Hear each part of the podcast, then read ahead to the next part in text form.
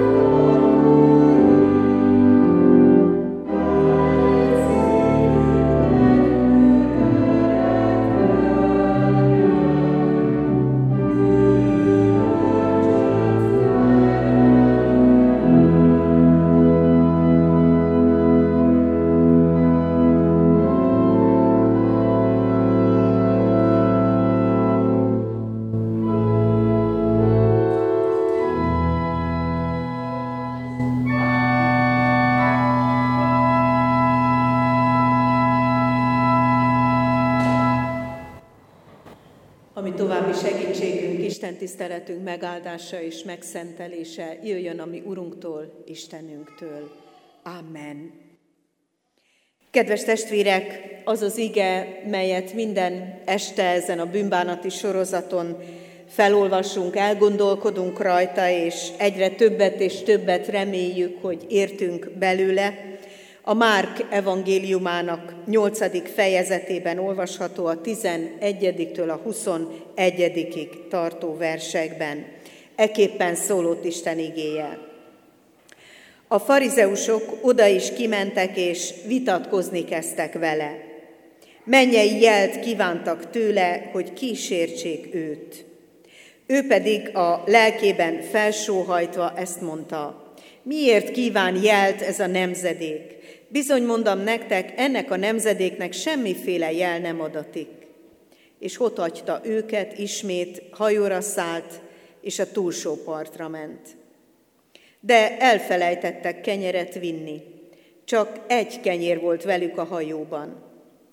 Éppen arra intette őket, vigyázzatok, őrizkedjetek a farizeusok kovászától, a Heródes kovászától. Ekkor egymás között tanakodtak, hogy nincs kenyerük. Jézus tudta ezt, és azt mondta nekik, mit tanakodtok, hogy nincs kenyeretek? Nem veszitek észre, és még mindig nem értitek? Ilyen kemény a szívetek? Van szemetek, és nem láttok? Van fületek, és nem hallotok? és nem emlékeztek? Hogy amikor az öt kenyeret megtörtem az ötezernek, hány kosarat szedtetek tele maradék darabokkal? Felelték neki, tizenkettőt. Amikor pedig hetet a négyezernek, hány kosarat szedtek össze a maradékkal? Azok pedig azt mondták, hetet. És ő azt mondta nekik, még mindig nem értitek.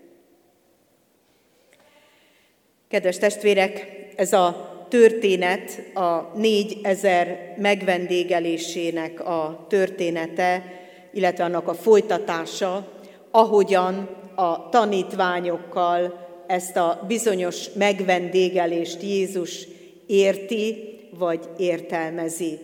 Különös dolog ez, hogy Jézus emlékezteti a tanítványokat arra, hogy mit tett.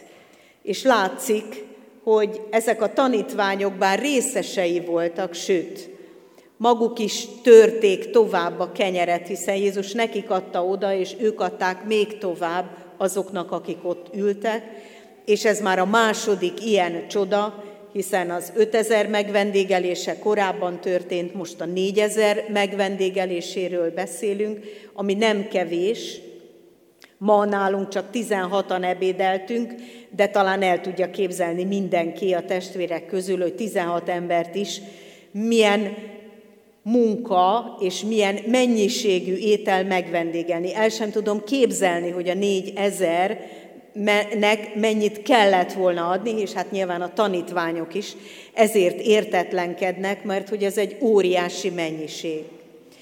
De túl vagyunk ezen a bizonyos megvendégelésen, beszálltak a hajóba, és a tanítványok azonnal megtörtént a csoda, átélték, hogy a kenyér elég volt mindenkinek, és a tanítványok azonnal, ahogy beszállnak a hajóba, azon aggódnak, hogy de hát csak egy kenyér van nálunk.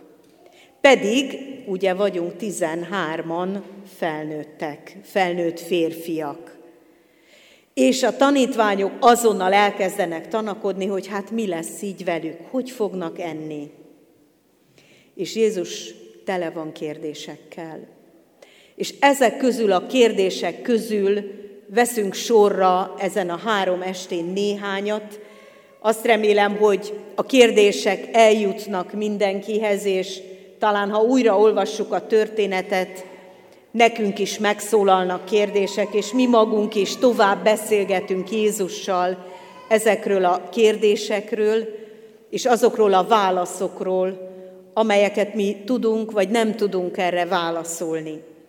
A tegnapi estén az volt a kérdés, hogy amikor megtörtem a kenyeret, emlékezteti őket Jézus, nem is emlékeztek. A ma estén ezt emeljük ki, amikor megtörtem a kenyeret, mondja Jézus, hány kosarat szedtetek tele? Számomra is megdöbbentő a mennyiség. Ugye az eredeti történetben is van öt kenyér és két hal, és tizenkét tele kosár a maradék. Megdöbbentő ennek a különlegessége, hogy Jézus úgy tudja adni nekünk a kenyeret, úgy tudja adni nekünk azt, ami elég, hogy általában még marad is. Jézus Krisztus bőségesen ad. Olyan módon ad, hogy meg tudjuk osztani a kenyeret. És ez, és ez azért nagyon fontos, hogy mindig, amikor kezünkbe vesszük a kenyeret, akkor arra gondoljunk, hogy akár meg is törhetem ezt a kenyeret. Akár adhatok belőle másoknak is. Akár lehetőségem van arra, hogy tovább adjam, hiszen én is kaptam, nekem is ajándék, Jézus nekem ajándékozta, adhatom tovább. És ennek ez a különleges csodája, hogy Jézus, amikor megtöri a kenyeret, akkor valahogy ez az ő kezében már ott azt az áldást hordozza, azt a lehetőséget hordozza, hogy elég lesz. Különös ez a csoda, mert nem az történik, hogy Jézus töri, töri, töri, töri, és akkor egyszer csak megtelik vele egy templom, és akkor onnan szét lehet osztani a négyezernek. Hanem a maga mozdulatával, a hálaadással és a megáldással megy tovább ennek a törésnek a mozdulata. És megy tovább a hálaadással tovább adott kenyér, és elég lesz. Sőt, maradék is lesz. Egészen különös történetet olvastam nemrégen, amikor valaki elmondta, hogy az Auschwitz-i halál táborban egy-egy kenyér szeletet kapott mindenki. És ez az egy-egy kenyér szelet, ez egy napi adag volt. És bizony be kellett osztani, hogy jusson. De volt, aki olyan éhes volt, hogy befalta rögtön az egészet, és a többi étkezésre nem maradt. És volt köztük egy valaki, a főszereplő, aki ezt elmesélte, aki úgy érezte, hogy muszáj, hogy úgy törje meg a kenyeret, hogy jusson belőle a többieknek is. És azt mondta, hogy maga az, hogy ő adhatott a többieknek, őt olyan hálával és megelégedéssel töltötte el, amiben nem számított, hogy ő csak egy fél, vagy egy negyed, vagy csak valamennyi kenyeret eszik. Mert maga az, hogy megoszthatta, hogy a többiekkel együtt ehette meg, ennek óriási ereje volt. Nagyobb ereje volt, mintha ő maga egyedül ette volna meg ezt a kenyeret. És azt gondolom, hogy ezt kell újra meg újra minden úrvacsora vételnél átgondolnunk. Vajon, amikor Jézus megtörte a kenyeret és odatta, és akkor, amikor mi megtörjük a kenyeret, és adunk, akkor elégnek érezzük. Elégnek érezzük ezt a kenyeret, vagy úgy gondoljuk, hogy háromszor ennyit is meg tudnánk enni, vagy hogy nekünk sem elég igazából, ami van. Mitől lett elég az a néhány kenyér, itt mondjuk hét kenyér a négyezernek. Jézus hálát ad, és megáldja. És ez az, amitől ez a kenyér elég. Amikor a keresztelési oktatáson beszélgetünk a családokkal, hogy mi is a keresztjén nevelésnek az első lépése, Mindenfélét szoktak mondani, azt az egyet nem, ami, ami szerintem a legfontosabb, az imádság. A közös imádság. Ezért minden keresztelős család kap egy közös imádság lapot, és azok közül az első az étkezésnél mondott hálaadás. És megkérdezem tőlük, hogy értitek, hogy miért? Hogy miért pont ez az első az imádságok közül? És akkor elkezdenek gondolkozni, és van akinek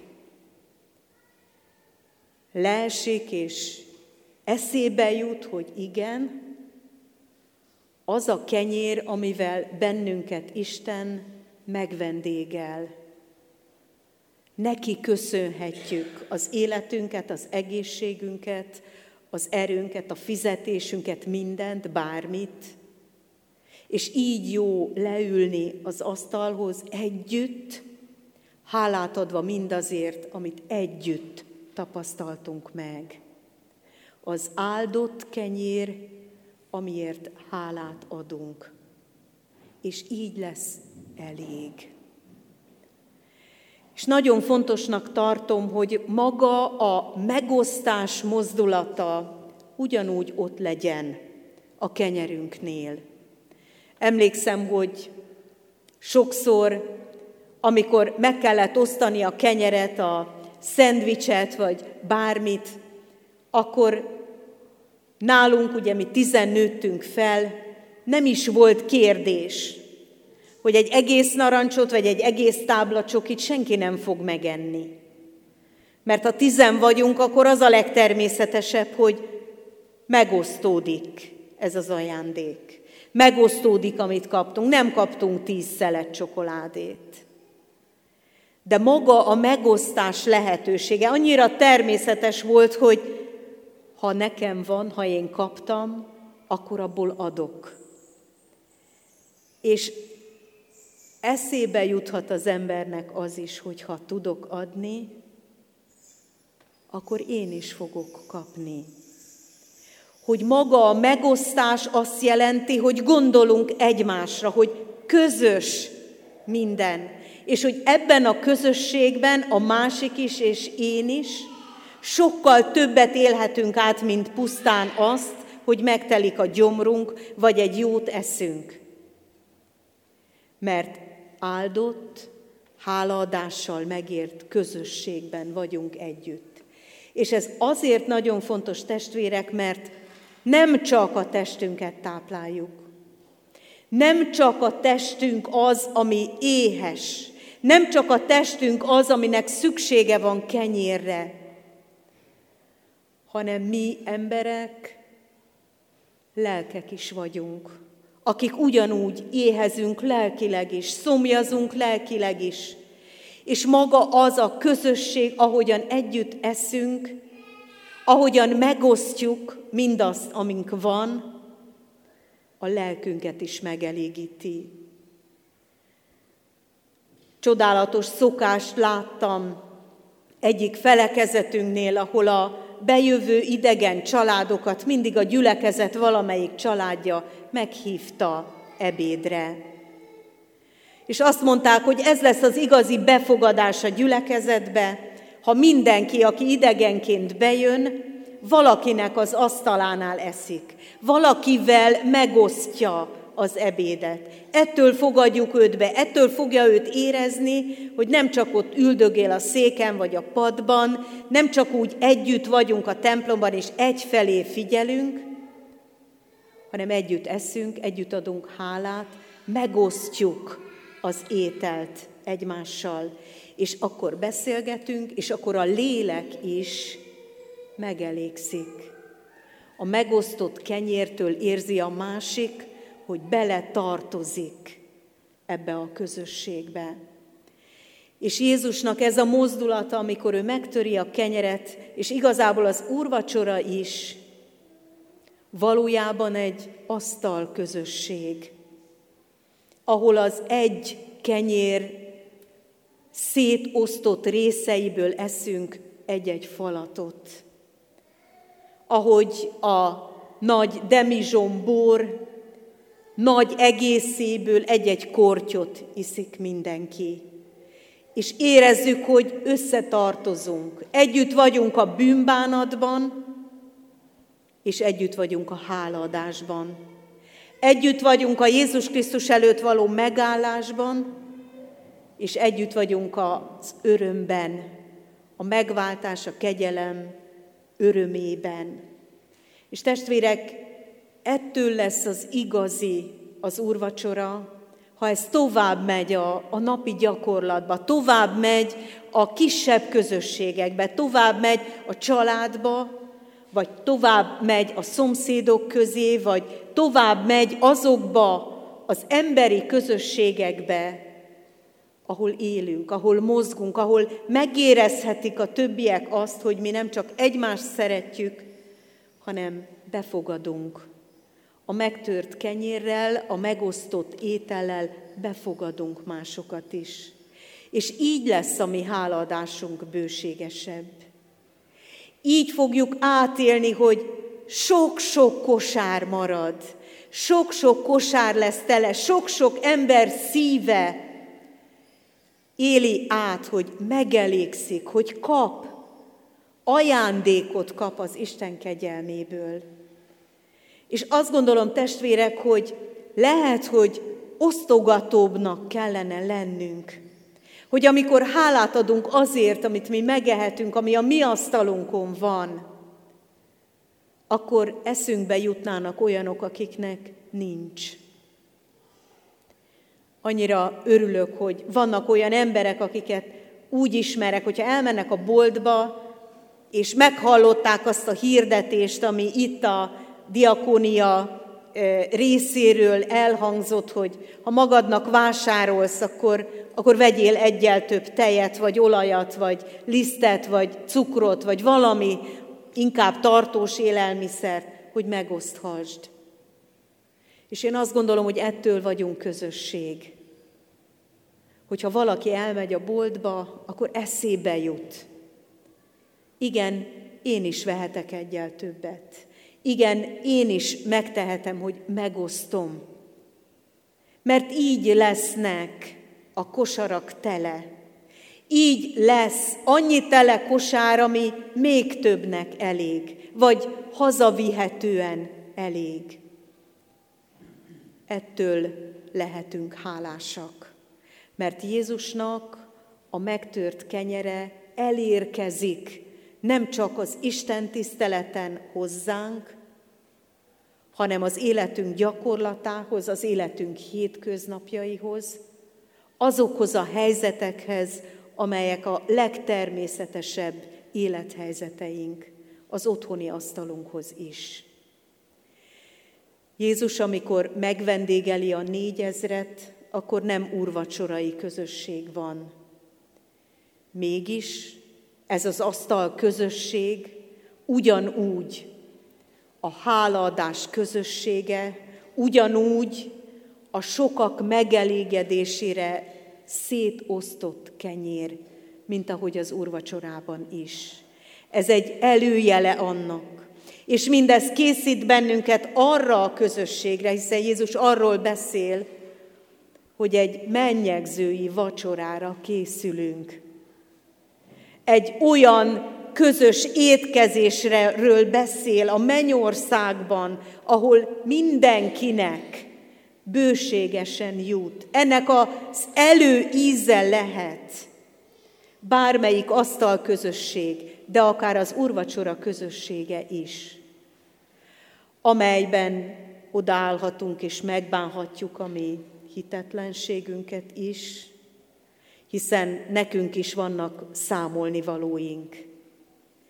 De elővehetjük a háladásainkat is, hiszen vannak ilyen tapasztalataink is, hogy amikor megosztottuk, akkor örvendeztünk, akkor jutott elég, hogy a lélek emlékeztetett bennünket, hogy van mit megosztanunk, és megláttuk azt is, akivel ezt megoszthatjuk és mert ez tényleg egy bűnbánati sorozat, és az úrvacsora közösségére készülünk, így harmadiknak hadd mondjam azt, hogy ez a megosztott kenyér szembesít azzal is, hogy mennyire vagyunk önzőek, mennyire csak magunknak tartunk meg valamit, mennyire csak magunkra gondolunk, ahogy itt a tanítványok is.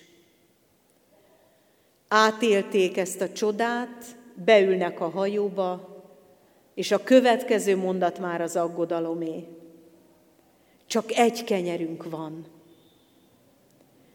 És nem előfordul velünk is sokszor testvérek, hogy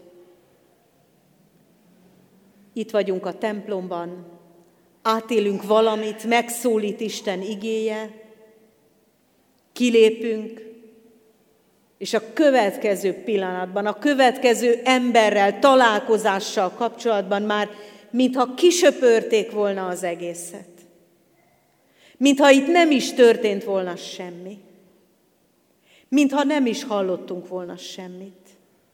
Elvész a békesség, elvész a hálaadás, visszatér a harag, az elégedetlenség, a méltatlankodás, visszatér a panasz, visszatér mindaz, ami itt a tanítványok szívébe is a hatalmas csoda után beszállva a hajóba, mintha kisöpörték volna a csoda, a megelégedés és a hálaadás emlékét is. És Jézus kérdése ezzel is szembesít bennünket. Testvérek, hányszor tér vissza túl gyorsan az aggodalom, a panasz és az elégedetlenség a szívünkbe. Amikor megértünk valamit, és azonnal utána tesszük, hogy de.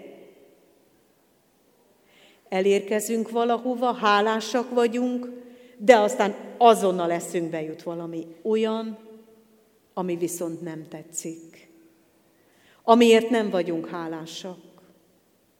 És Jézusnak újra kérdeznie kell – Hát nem emlékeztek? Nem figyeltetek? Nem láttátok, hogy hány kosárral szedtetek össze? Ilyen gyorsan semmivé válik mindaz, amit nektek ajándékoztam. Ilyen gyorsan elfeledkeztek mindenről, amit a szívetekre helyeztem, és amit nektek tovább adni kellene. Ennyire hiába való volt a tanításom, ennyire hiába való volt a tapasztalat, amit velem éltetek át. És igen, testvérek, ilyen hitetlenek vagyunk.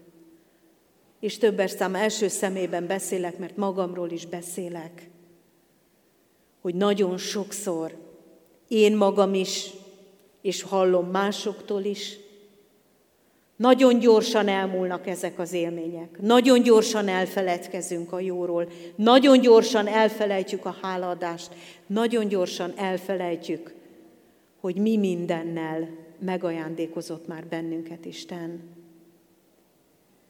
És ezért ezen az estén most arra kérlek benneteket, hogy kezdjetek el egy új szokást. Kezdjetek el egy új szokást, ha eddig még nem volt gyakorlat a családban, vagy akár csak saját magatokban. Kezdjétek el számolni a kosarakat, amelyekkel Jézus megajándékozott benneteket, és amelyek ott maradtak nálatok, amelyeket begyűjthettetek, mert az ő ajándéka nem csak kenyerekben érkezett el, hanem áldásokban, kapcsolatokban, sok-sok olyan ajándékban, amelyre nem is voltunk méltók, és nem is voltunk felkészülve. Este kérdezzük meg magunktól, egymástól, ma hány kosarat szedhettem össze, ma hány ajándék érkezett hozzám bőségesen.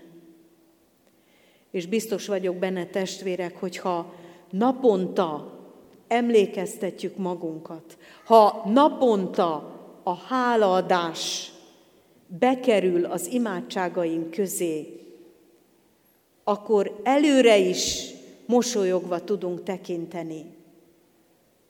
Mert engem Jézusnak ez a mozdulata, hogy ő előre hálát ad, amikor még csak annyi van a kezében, amennyit megkapott, de ő már hálát ad. Ez egy gyümölcs lehet a mi életünkben. Amikor eljutunk odáig, testvérek, hogy ránézünk arra a kevésre, ami van, vagy amiről úgy érezzük, hogy kevés, és mégis merünk hálát adni érte.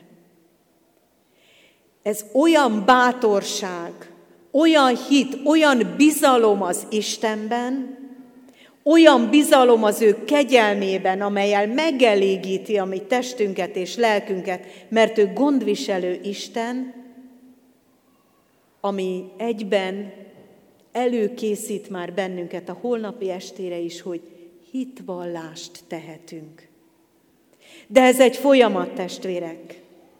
Amíg a panaszból, az aggódásból, a félelemből, az állandó hiba keresésből, méltatlankodásból, elégedetlenségből eljutunk odáig, hogy megköszönjük, ami van, sőt, amikor kevésnek látszik, akkor is hálaadással vagyunk jelen.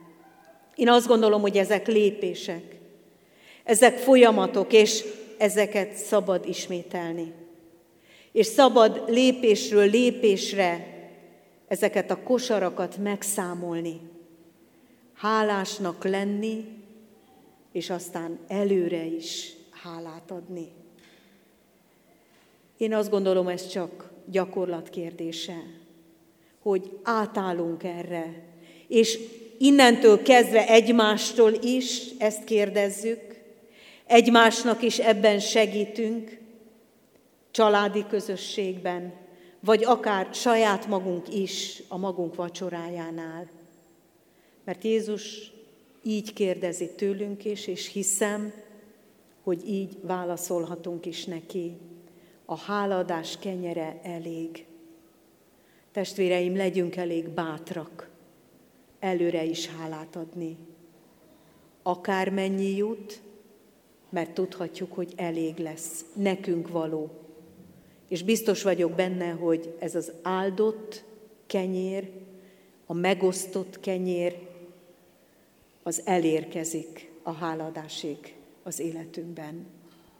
Most csendesedjünk el, és ki-ki, akár most este itt a templomban is kezdjen el számolni. Kezdjen el hálát adni, akár csak a mai napért, akár az előző napokért. Vagy ha úgy gondolja, hogy azokat a dolgokat kell előszámlálni, amiben a panasz, az elégedetlenség, a félelem, az aggódás vagy a méltatlankodás volt több a mai napban, akkor azt bűnbánattal tegyük le a mi Urunk elé. Vigyük oda a mi szívünket, és engedjük, hogy kisöpörje onnan ezeket, és betöltse az ő ajándékaival. Imádkozzunk!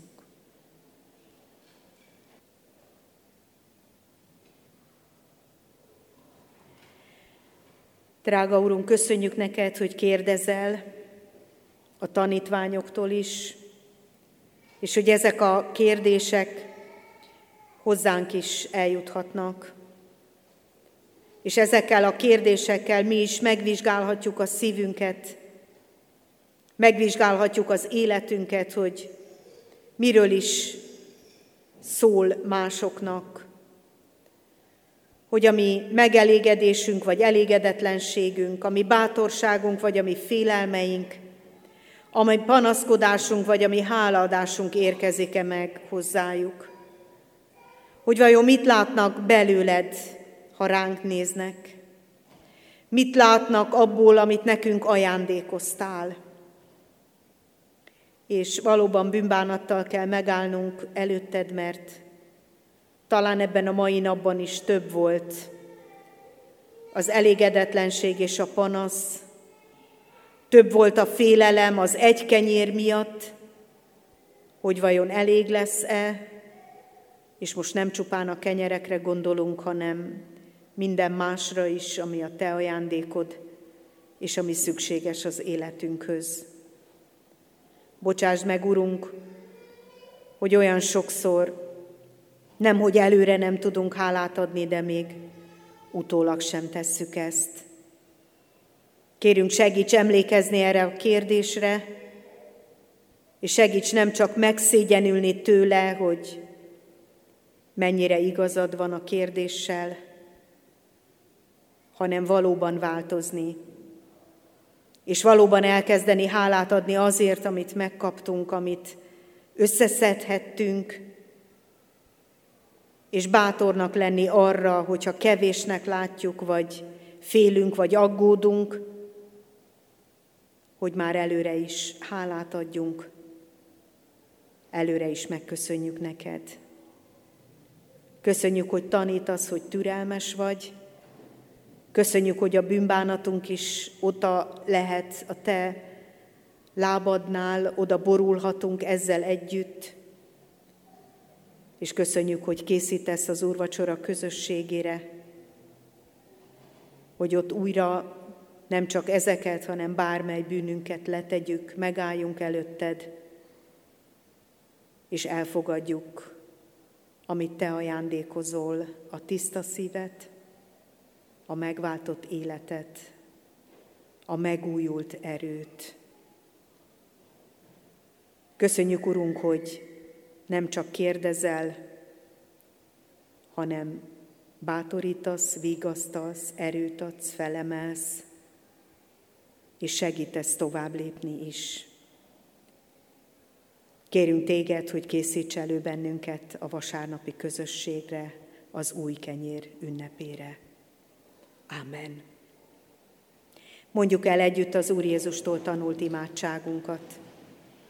Mi, atyánk, aki a mennyekben vagy, szenteltessék meg a te neved. Jöjjön el a te országod, legyen meg a te akaratod, amint a mennyben, úgy a földön is. Minden napi kenyerünket add meg nékünk ma, és bocsáss meg védkeinket, miképpen mi is megbocsátunk az ellenünk védkezőknek és ne vigy minket kísértésbe, de szabadíts meg a gonosztól, mert tiéd az ország, a hatalom és a dicsőség mindörökké. Amen. Semmi felől ne aggódjatok, hanem minden imádságban és könyörgésben háladással tárjátok fel kéréseiteket az Isten előtt. És az Isten békessége, mely minden emberi értelmet felülhalad, meg fogja őrizni szíveiteket és gondolataitokat az Úr Jézus Krisztusban. Amen. Foglaljuk el a helyünket, testvéreim, és hirdetésképpen csak hadd mondjam, hogy holnap este is 6 órakor folytatódik a sorozatunk, ugyan ennek az alapigének az alapján egy következő kérdéssel még mindig nem értitek? Remélem, hogy ezek a kérdések nem csak eljutnak hozzánk, hanem válaszolni is tudunk a mi Urunknak, sőt, nem csak azok a válaszok születhetnek meg, hanem valóban az életünkkel is válaszolhatunk.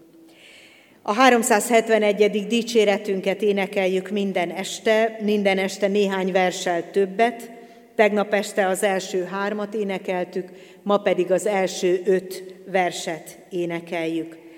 A 371. dicséret így kezdődik, Jézus Krisztus egy mesterünk. うん